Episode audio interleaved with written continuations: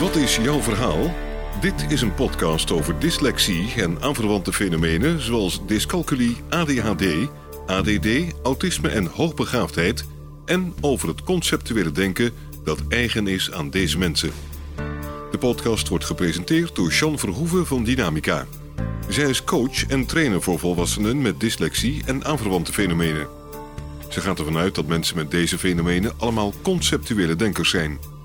Als je dat weet en weet hoe dit denken werkt, is het mogelijk om een gemakkelijker en succesvoller leven te hebben en effectiever te kunnen functioneren in je studie of je werk. In deze podcast gaat ze in gesprek met mensen die hun eigen verhaal willen vertellen. Een verhaal dat gaat over labels, een andere manier van denken, hun tegenslagen, de voordelen van het conceptuele denken en hun succesverhalen. Sean Verhoeven spreekt uit eigen ervaring. Ze heeft zelf dyscalculie, dyslexie en ADHD. Welkom, Marcenka Mhm. Rolak Mhm. ehm, van het Dyslexiecentrum Rotterdam. Ja, zeg ik dat klopt. zo goed? Dank Ja. je. Ik heb je uitgenodigd omdat ik hè, je ook al een hele tijd eh, ken. Mhm. En dat je bezig bent met allerlei leuke dingen omtrent dyslexie. Mhm. En dat onze visies elkaar ook eh, ondersteunen. Mhm. Eh, wil je je voorstellen wie je bent en Ja. eh, wat je doet? Nou, je had mijn naam al gezegd, Marzenka. Marzenka Rolak. Ben van huis uit orthopedagoog, orthopedagoog generalist. Dus dat betekent dat ik na de opleiding orthopedagogiek nog master of nascholing eh, heb gedaan. Postmaster is dat om ook diagnoses te mogen stellen. Ik werk nu zo'n tien jaar voor mezelf en doe daarbij onderzoek en behandeling bij ja, kinderen, en jongvolwassenen en volwassenen met dyslexie. En naast behandeling en de diagnostiek doe ik ook trainingen op scholen voor basisonderwijs, voortgezet onderwijs, eh, op hogescholen, universiteiten. En dat kan zowel zijn voor de leerlingen, dus hoe leer ik met mijn dyslexie, als voor eh, onderwijzend personeel van hoe kan ik beter omgaan met kinderen met dyslexie. En ja, die variatie maakt mijn werk zo enorm leuk. Oh ja, en daarnaast doe ik nog een promotieonderzoek aan de Universiteit Tilburg. Eh, naar ehm, ja, wat belemmerende en bevorderende factoren zijn bij het studeren met dyslexie. In de Ja. hoop daar ook meer ja, aanwijzingen voor te krijgen. wat hogescholen of universiteiten kunnen doen om hun onderwijs toegankelijker te maken voor studenten met dyslexie. Wa- wat is het voor onderzoek en wat doe je? Ja. En eh, wat ontdek je daar? Ik heb eigenlijk net de fase van dataverzameling achter de rug. Dus dat betekent dat ik eh, gesprekken heb gevoerd met eh, studenten in vijf focusgroepen. Dus vijf studentengroepjes bij elkaar over waar ze tegenaan lopen bij hun studie, wat hun successen zijn, waarom ze überhaupt gaan studeren, hè, met welk doel en of dat ook lukt. Eh, dus ze hebben allemaal een dyslexieverklaring. Ze studeren nog of ze zijn net afgestudeerd. Dus ik heb ook studenten in ehm, alle ja, fases van hun studie. En zowel studenten van een hogeschool als studenten van een universiteit. Ja. Dus, eh, en daarnaast heb ik ehm, studieadviseurs en studentendecanen eh, gehad Oh, in ja. twee groepen. Om ook hun visie te horen over ja, wat zij zien als belemmeringen, mogelijkheden. En eh, wat mij opviel is ja, het lezen weten we allemaal wel dat het natuurlijk op eh, hogescholen en universiteiten veel meer is. En met name Engelse artikelen en teksten. En daar zijn ook wel, weet je, faciliteiten voor. Dus je krijgt extra tijd of hè, bij tentamens. ehm, of ehm, van die studiebijeenkomsten waardoor ze handiger leren daarmee om te gaan. Maar voor het schrijven geldt dat eigenlijk veel minder. Dus wetenschappelijk schrijven, Ja. eh, daar lopen veel studenten toch tegenaan. En dan zijn er wel algemene trainingen. Maar wat studenten eigenlijk aangeven, is dat ze zeggen: ja, je zou iets willen hebben. Een soort taaltraining die er rekening mee houdt dat je op basaal niveau bepaalde dingen nog niet beheerst, maar toch een wetenschappelijke opleiding doet. Ja. Hè? Want de wetenschappelijke cursussen zijn soms te hoog gegrepen. En ja, basale taaltrainingen, ja, over het algemeen zijn die voor nieuwkomers of mensen die nog helemaal die taal niet beheersen. Ja. Dus er is ehm, geen goed sluitend aanbod die rekening houdt met die verschillen. Ander heel belangrijk iets wat mij opviel, was dat vrij weinig studenten gebruik maken of op de hoogte zijn van de wettelijke mogelijkheden voor alternatieve toetsen. En dat het ook vrij weinig wordt toegepast en zelfs wordt ontmoedigd vanuit de opleidingen. Of zegt dat daar geen mogelijkheden toe zijn. Dus op het moment dat bijvoorbeeld een taaltoets niet wordt gehaald, hè, dat had ik bijvoorbeeld laatst bij Ja. een student psychologie, die studeert aan een HBO-opleiding psychologie. En die heeft alles, zeg maar, gehaald met achten. Alleen de taaltoets Ja. niet. En die Ja. kan er propenduizen niet halen. En als ze hem dit jaar niet haalt, ze zit nu in het tweede jaar, moet ze stoppen met de opleiding. Aanvraag bij de examencommissie zegt ja, maar dan je krijgt al extra tijd. Of eh, en ja, en zij zeggen ja, die extra tijd of een tekst- naar spraakprogramma, dat maakt niet dat ik beter ga spellen. Ja, wat je al zei, het is Mhm. ook wel triest hè, dat, er, dat er zoveel, eigenlijk weten we zoveel, is er zoveel voorhanden. Mhm. En toch weten de partijen die het nodig hebben, of Ja, je nou onvoldoende. dyslectisch eh, bent of eh, de ondersteuner van mensen, Mhm. studenten bent, dat je dat onvoldoende weet. Ja, je merkt echt dat er nog eh, kennis ontbreekt bij de examencommissies eh, over mogelijkheden voor alternatieve toetsen. En kennis ontbreekt bij de studenten over ja, hun rechten, zeg maar, vanuit de wetgelijke behandeling. Ja, Want die horen een nee van de decaan en die denken, oh, het kan niet. ja, ja, ja. Of vaak onnodig. Vaak wel nodig, ja. Voor de studenten Mhm. die allemaal luisteren Ja. naar deze podcast, wat heb je een tip voor ze? Welke kant, waar, moeten ze, waar kunnen ze zijn? Eigenlijk door de ervaring vanuit het onderzoek, maar ook met een aantal studenten, eh, ben ik bezig met een eh, stagiaire en een oud-decaan om te kijken of we hier iets van kunnen maken, zodat het bij ons op de website komt met voorbeeldbrieven, zeg maar, die studenten kunnen gebruiken voor de examencommissie of als ze een klacht hebben voor in een college van beroep, eh, dat ze wat voorbeelden hebben, want dat is er eigenlijk niet. Handicap en Studie heeft een eh, brochure gemaakt voor examencommissies. Eh, en die heet Toetsen niet minder, maar anders. En die is in 2013 al eh, uitgekomen. Ja. En daar staat ook best wel wat informatie die studenten kunnen gebruiken om hun decanen zeg maar, beter te informeren of hun examencommissies. Ja. ja, dus eigenlijk wat je nou schetst is dat je als dyslect, hè, student met dyslexie Ja, dus heel belezen moet zijn ja. je moet om, echt, om de weg te kunnen vinden. ja, als student met dyslexie moet jij eigenlijk alle informatie in huis hebben om de mensen om je heen daarover te informeren. Zijn er nog meer van dit soort dingen die je zo ontdekt en die belangrijk zijn om te benoemen, zodat mensen met dyslexie de weg gaan leren zien? Of Nou, ik denk dit is, wel, dit is wel de belangrijkste. En een van de tips die bijvoorbeeld die oud-decaan heeft gegeven, bijvoorbeeld over taaltoetsen, eh, van staat ehm, taalvaardigheid ook opgenomen als competentie in het competentieprofiel. Dat geldt met name dan voor HBO-opleidingen. En eh, dat klinkt een beetje ingewikkeld, maar eh, wat ik daarmee bedoel is. Soms is het doel van die taaltoets ook een beetje vaag. Hè? Dus is het doel ook daadwerkelijk gelinkt aan het eind, het einddoel van de opleiding? Dus is Ja, die taaltoets, dat je die haalt, ook echt nodig om dat vak of die uit te kunnen oefenen waarvoor je opgeleid bent? En bij HBO-opleidingen staat dat in het competentieprofiel. Die taalvaardigheid zoals gemeten in die taaltoets niet genoemd staat, maar bijvoorbeeld wel een toegepaste vorm van een handelingsplan kunnen schrijven of een, Ja, een casusbeschrijving, waardoor zij iets ook zoiets had van nou laat me dat dan doen, want dat moet ik straks ook in de praktijk doen. Ja. Ja, je zou wel kunnen stellen als een opleiding een student eh, tot in het vierde jaar laat doorgaan en dan in één keer gaat zeggen dat Ja. ze geschikt zou zijn, dan moet ze ook hand in eigen boezem steken. Ja, ja, Ja. Dat, dat lijkt me ook. Wat mij opvalt, ik heb ook wat eh, scriptiebegeleiding eh, gedaan de afgelopen jaren. Dat het moeilijk is voor veel studenten om heel de structuur vast te houden door heel de scriptie. Dus vanuit de inleiding naar de methode, naar de resultaten, naar de discussie. En op het moment dat het ergens in die lijn niet goed gaat, dan gaat het helemaal dwarrelen, als het ware. Ja. En de feedback is op detailniveau. ja. En dan gaan ze op detailniveau eh, aanpassingen doen, waardoor heel de lijn en die structuur eigenlijk nog verder uit elkaar gaat. En wat ik vaak deed in de scriptiebegeleiding was echt die lijn visualiseren. Wat is het wat je precies Ja. wil vertellen en wat je over wil brengen? Wat is je rode draad? En op het moment dat die helder is, dan kan je die door je heel je scriptie eh, brengen. Voor dingen als spelling of eh, structuur. Je, je hebt ook die scriptiesite Scribber, eh, waar ook veel tips vandaan gehaald eh, kunnen worden. Die hebben ook een scriptie nakijkservice. Kost wel geld. Ik weet niet precies wat, maar Ja, ik weet dat veel studenten- kost ook heel veel geld. Dus, ja, nee, dus ik weet ja. dat veel studenten ook gebruik maken van die site. Je sprak laatst over die medisch model en nog een model. Ja. Kan je daar wat over vertellen? In mijn onderzoek, dus naar die studenten met dyslexie. En toen kwam ik een artikel tegen van Olak, volgens mij, alweer een tijdje geleden, volgens mij 2009. En wat hem opviel was studenten die hun eh, dyslexie zagen als een deficit, dus een tekort, minder productieve copingstrategieën ontwikkelden dan studenten die hun dyslexie zagen als learning difference, dus als een verschil.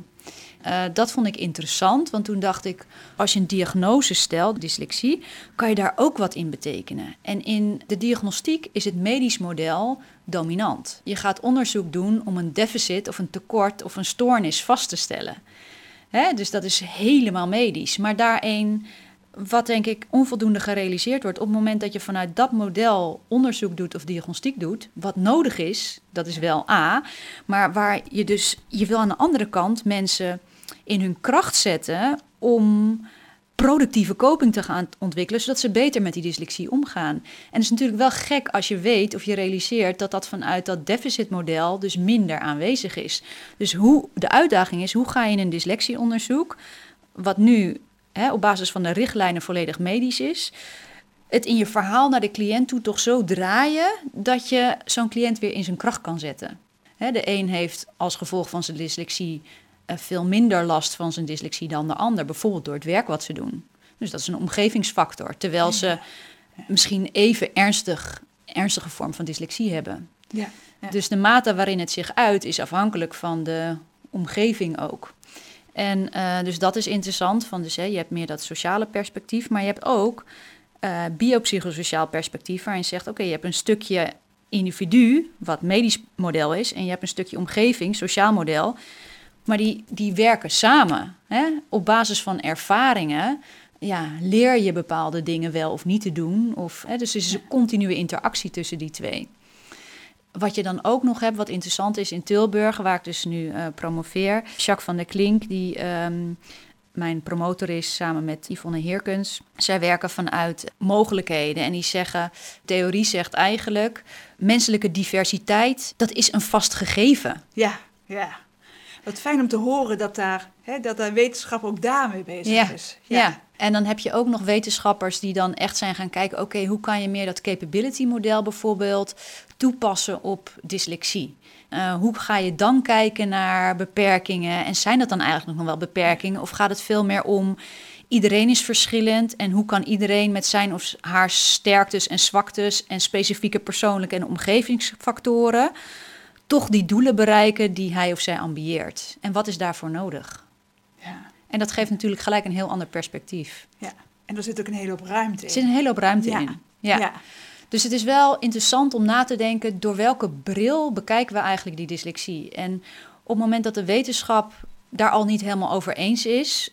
Uh, maar in het onderzoek hè, mensen wel of cliënten wel meekrijgen van oké, okay, het medisch model, dat is de bril waardoor we naar dyslexie kijken, maar dat is dus niet helemaal waar.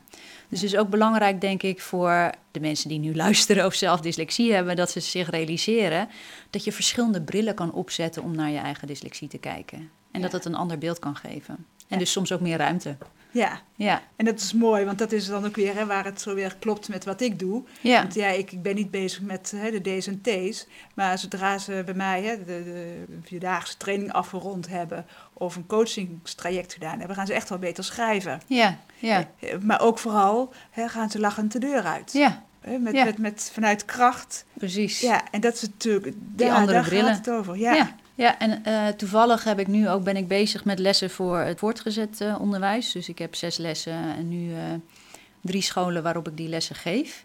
En ik heb dat gelijk toegepast in de eerste les. Ik had al die verschillende perspectieven op dyslexie, dus het medisch model en het sociaal model en het biopsychosociaal model.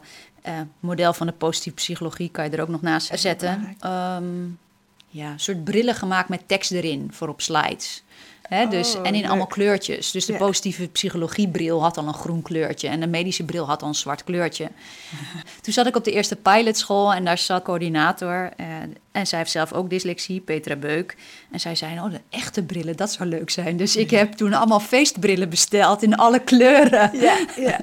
En eh, als ik dan voor die klas sta, eh, dan doe ik bijvoorbeeld bij de medische bril, zet ik een zwarte feestbril op en dan geef ik kinderen een bril en geef ik een groene bril. En dan zeg ik, ja, maar als je nu naar je dyslexie kijkt door die groene groene bril, wat zie je dan?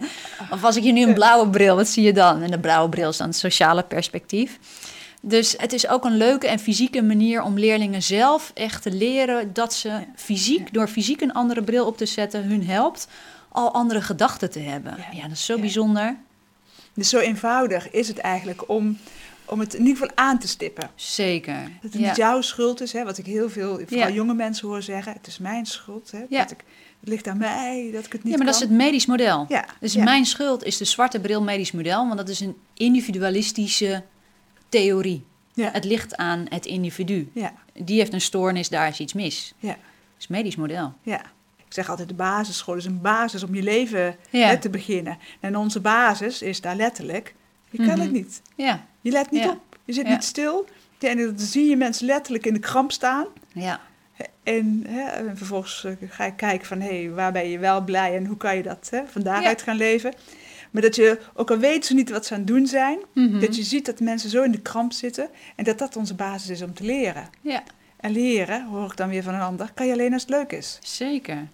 Ik had dus laatst ook een man voor onderzoek die dus de overtuiging had: ik kan niet leren. Maar nu had werkgever bedacht dat ze willen dat al hun personeel diploma's heeft. Dus na 20 jaar in dienst moet hij nu een MBO niveau 2 of 3 halen. Dus hij komt in die lessen, hij snapt het niet, hij, het lukt hem niet om te lezen. En toen zeiden ze van, goh, heb jij geen dyslexie? Dus hij kwam bij onderzoek wat hij eigenlijk helemaal niet wil. Want het feit al dat hij bij mij aanbelde, dat zorgde al voor schaamte. Dus dan kijkt hij al om zich heen, ziet niemand mij hier staan. Maar die man was heel lang en normaal zitten we achterin waar mensen ons niet echt kunnen zien. Maar voorin is mijn tafel wat hoger. Dus ik zei, ja, voor jou praktisch lijkt me handig om voorin te zitten. Maar dat vindt hij dus al heel ongemakkelijk, omdat hij uh, dan bang is dat anderen hem zien. Maar ik zeg, wat kunnen mensen dan denken? Ja, dat ik, dat ik dom ben, dat ik niet kan leren en dat ik dus geen rol kan spelen in de maatschappij. Toen zei ik, ja, maar niet kan leren. Als we nu even kijken naar de 20 jaar die jij nu werkt bij je werkgever, toen je binnenkwam en nu, heb jij het gevoel dat je niet geleerd hebt? Niks mm. geleerd hebt? Ik zei, nee, nee, nee, nee, nee, ik heb best wel veel geleerd. Ik zeg, maar betekent dan dat je dan niet kan leren? Nee, nee, nee, eigenlijk niet, weet je wel. Dus, maar niet kunnen leren heeft dus maken met schools leren dan. Hè? Dus veel mensen koppelen niet kunnen leren aan niet schools kunnen leren of niet theoretisch kunnen leren. Maar dat staat natuurlijk niet gelijk aan niet kunnen leren. Ja. ja. En dat is natuurlijk wel een koppeling die mensen altijd maken. Dus als je op school niet kan leren, dat dat betekent dat je niet kan leren. Ja. En dat je nooit meer wat kan leren. En dat je nooit meer wat kan leren. En dat je eigenlijk geen plek kan hebben in de maatschappij. En dat je dus dom bent en dat andere mensen het allemaal zien. En dat allemaal van je denken. Ja. Ik moet zeggen, ik had laatst wel met een andere vrouw daar een beetje discussie over. Omdat ze best wel was geschrokken van dat zij niet zo hoog had gescoord op dat intelligentieonderzoek. Zij had dyslexie en dyscalculie, wat ook onderdelen zijn die zo'n intelligentietest natuurlijk negatief kunnen beïnvloeden. Maar het is wel een vrouw die in de detailhandel managementfuncties heeft gehad. Wat mij dan zo puzzelt als onderzoeker en wat ik dan ook lastig vind, is dat heel veel assessments en trainingen zeggen van nou, eh, om een HBO-functie te kunnen doen of een managementfunctie te kunnen doen, dan moet je zo'n score hebben op zo'n intelligentie of een capaciteitentoets. Want dat geeft aan dat je HBO-niveau bent, hebt of MBO-niveau dat hebt. Of, ja, en ik geloof daar maar tot een bepaalde hoogte in. Omdat ik in de praktijk zie zo'n score is niet zaligmakend. En ik heb voorbeelden gezien van studenten die een HBO-functie vervullen met een IQ van 80. Terwijl gezegd wordt, ja, om een HBO te doen heb je toch minstens een bovengemiddelde intelligentie nodig. Ja. Maar dat zijn voorbeelden van ja, de voorbeelden die nu naar voren komen zijn met name meiden dan. Vanuit de zorg zijn doorgeklommen. Dus die zijn bijvoorbeeld begonnen op oh, niveau 2 helpende zorg, dan niveau 3 verzorgende IG en dan 4 verpleegkunde en dan HBO verpleegkunde of verloskunde. Of, hè, en op die manier vanuit praktijkervaring uh, bepaalde theoriekennis opdoen, waardoor ze binnen die niche zeg maar helemaal kunnen doorstromen naar het HBO. Ja. Maar dan wel als je ze, ze theoretisch toetst op algemene kennis en zo, laag scoren. Ja, ja en dat vind ik zo boeiend. Ja. Dan denk ik, ja, wat zegt zo'n IQ-score dan precies? Ja.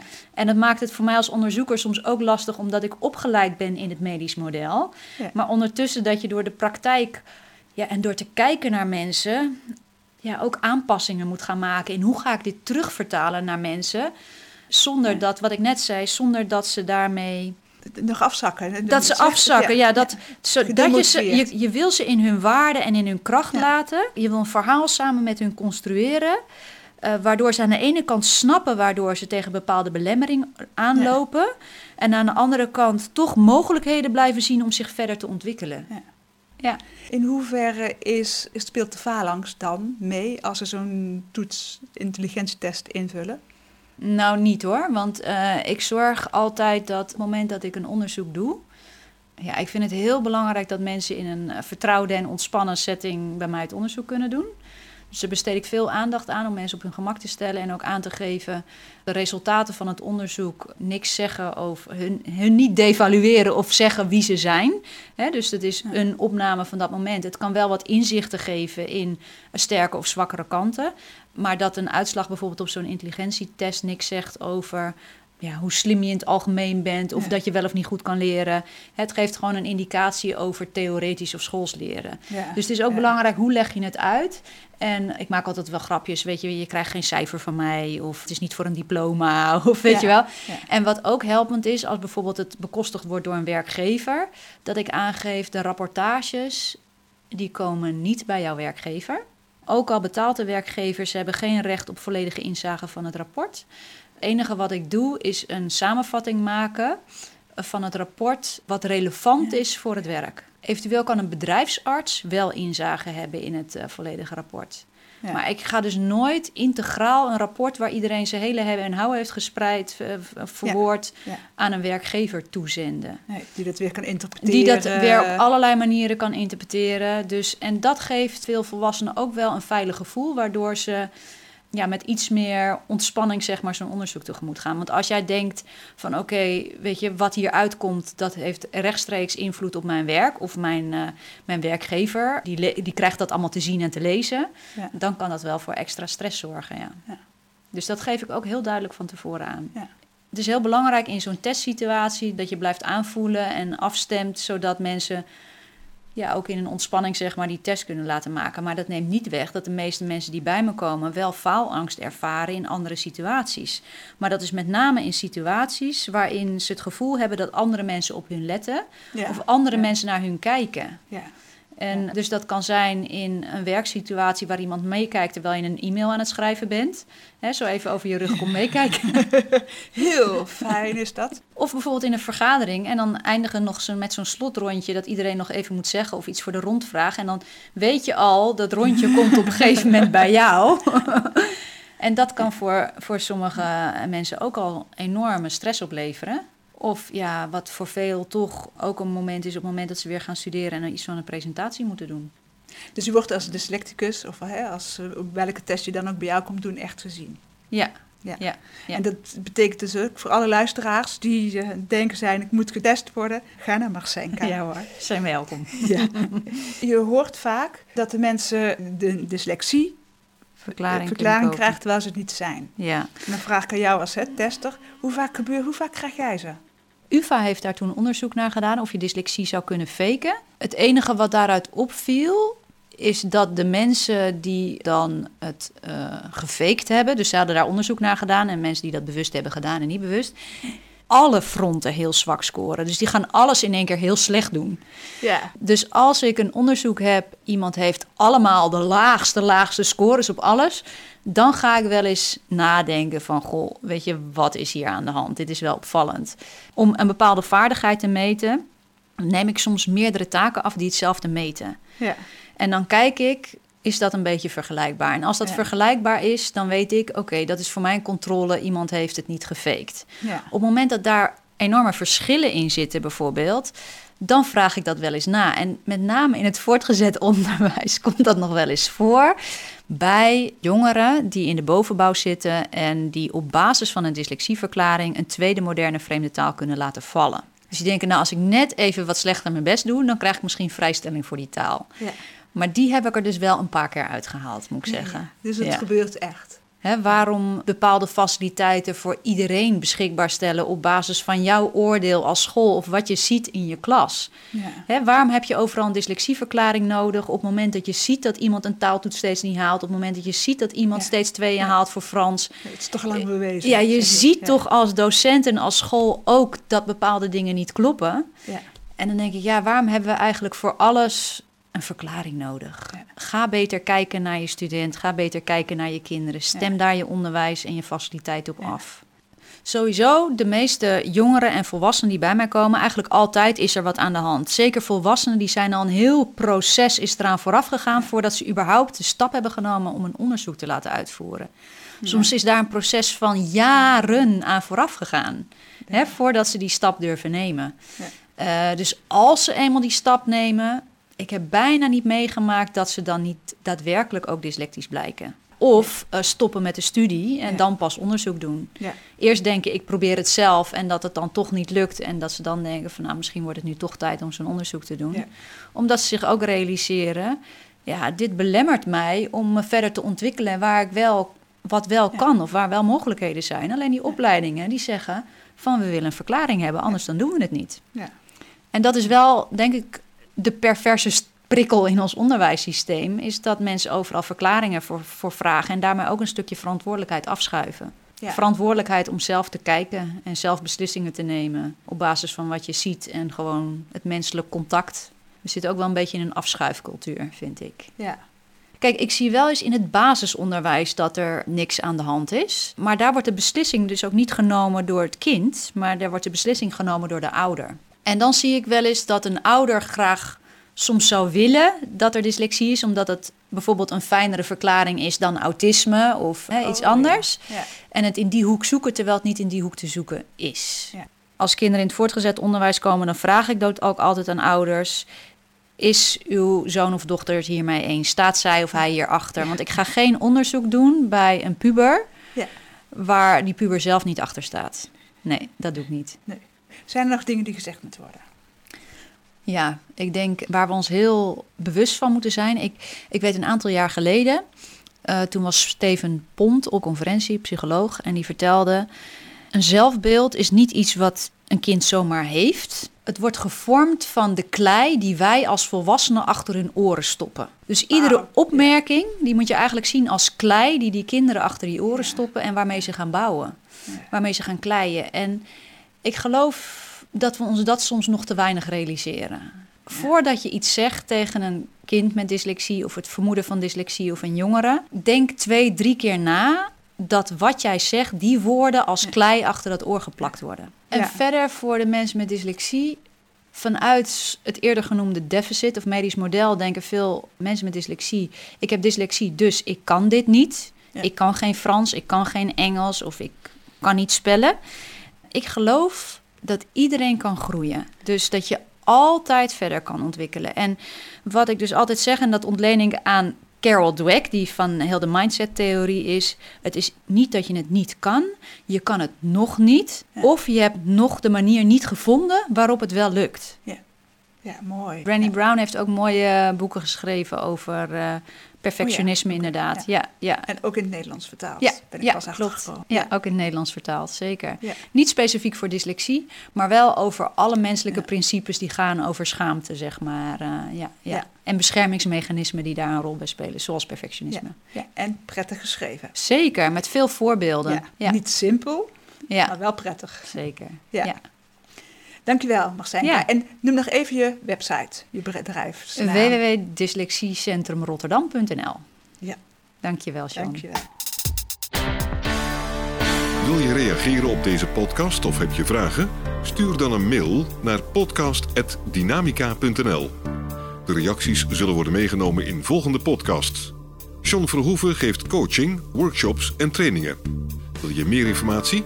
Kijk dan op www.werkendyslexie.nl of www.geniaaloprechts.nl of bel 020 639 1099 020 639 1099.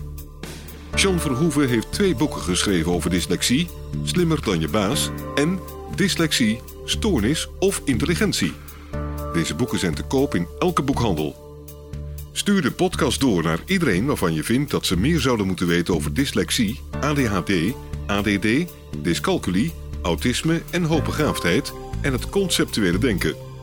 Deze podcast is gemaakt in samenwerking met Marcel de Hoog van Storytelling Media. Hij verzorgt de technische, redactionele en morele ondersteuning. Tot de volgende aflevering.